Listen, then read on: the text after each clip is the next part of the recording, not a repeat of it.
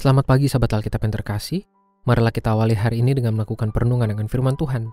Bacaan Alkitab kita pada hari ini berasal dari Kolose pasal yang pertama, ayat 19 sampai 23.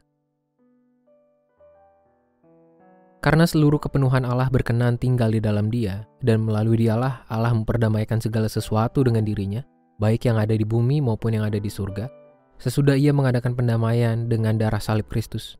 Juga kamu yang dahulu hidup jauh dari Allah dan menjadi musuhnya dalam hati dan pikiran seperti yang nyata dari perbuatanmu yang jahat. Sekarang diperdamaikannya di dalam tubuh jasmani Kristus oleh kematiannya. Untuk menempatkan kamu kudus dan tak bercela dan tak bercacat di hadapannya. Sebab itu kamu harus bertekun dalam iman, tetap teguh dan tidak berguncang, dan jangan mau digeser dari pengharapan Injil yang telah kamu dengar dan yang telah dikabarkan di seluruh alam di bawah langit, dan yang aku ini Paulus telah menjadi pelayannya.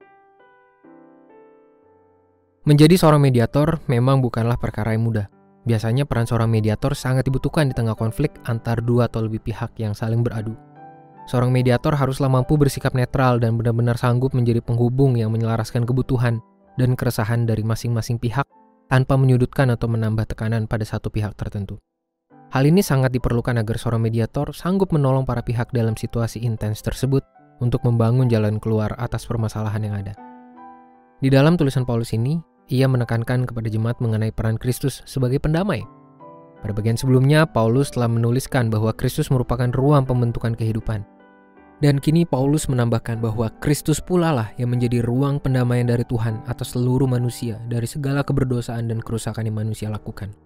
Hal ini hanya dapat dilakukan oleh Tuhan dan terjadi di dalam Kristus. Lokus utama terjadinya pembentukan, penciptaan, dan pemeliharaan Tuhan atas seluruh kehidupan. Pendamaian di dalam Kristus itulah yang memberikan kita kesempatan untuk mengalami hidup yang diperdamaikan, hidup yang diubahkan oleh Tuhan yang berarti menjadi transformasi identitas hidup setiap umat yang menjalaninya. Pendamaian yang terjadi di dalam Kristus idealnya juga dapat menjadi bagian nyata dari kehidupan setiap umat Tuhan yang mengimani hal tersebut. Artinya kita perlu melakukan hidup yang diperdamaikan secara nyata dalam setiap laku keseharian kita.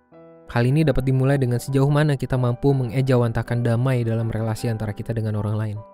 Atau jangan-jangan kita justru masih terlalu egois untuk membagikan damai itu dan lebih memilih untuk menghasilkan suasana perpecahan. Kiranya firman Tuhan ini dapat kita maknai secara nyata di sepanjang perjalanan waktu kehidupan kita. Marilah kita berdoa. Tuhan terima kasih atas pendamaian yang Engkau berikan, Engkau nyatakan bagi kami di dalam Kristus. Tolong kami sebagai umatmu yang mengimani hal tersebut agar kami mampu mewujud nyatakan pendamaian itu di dalam kehidupan kami sehari-hari. Tolong kami Tuhan agar mampu menjadi pendamai, membagikan damai, mulai dari relasi, setiap hubungan yang kami miliki. Hanya di dalam nama Tuhan kami Yesus Kristus kami berdoa dan menyerahkan kehidupan kami. Amin.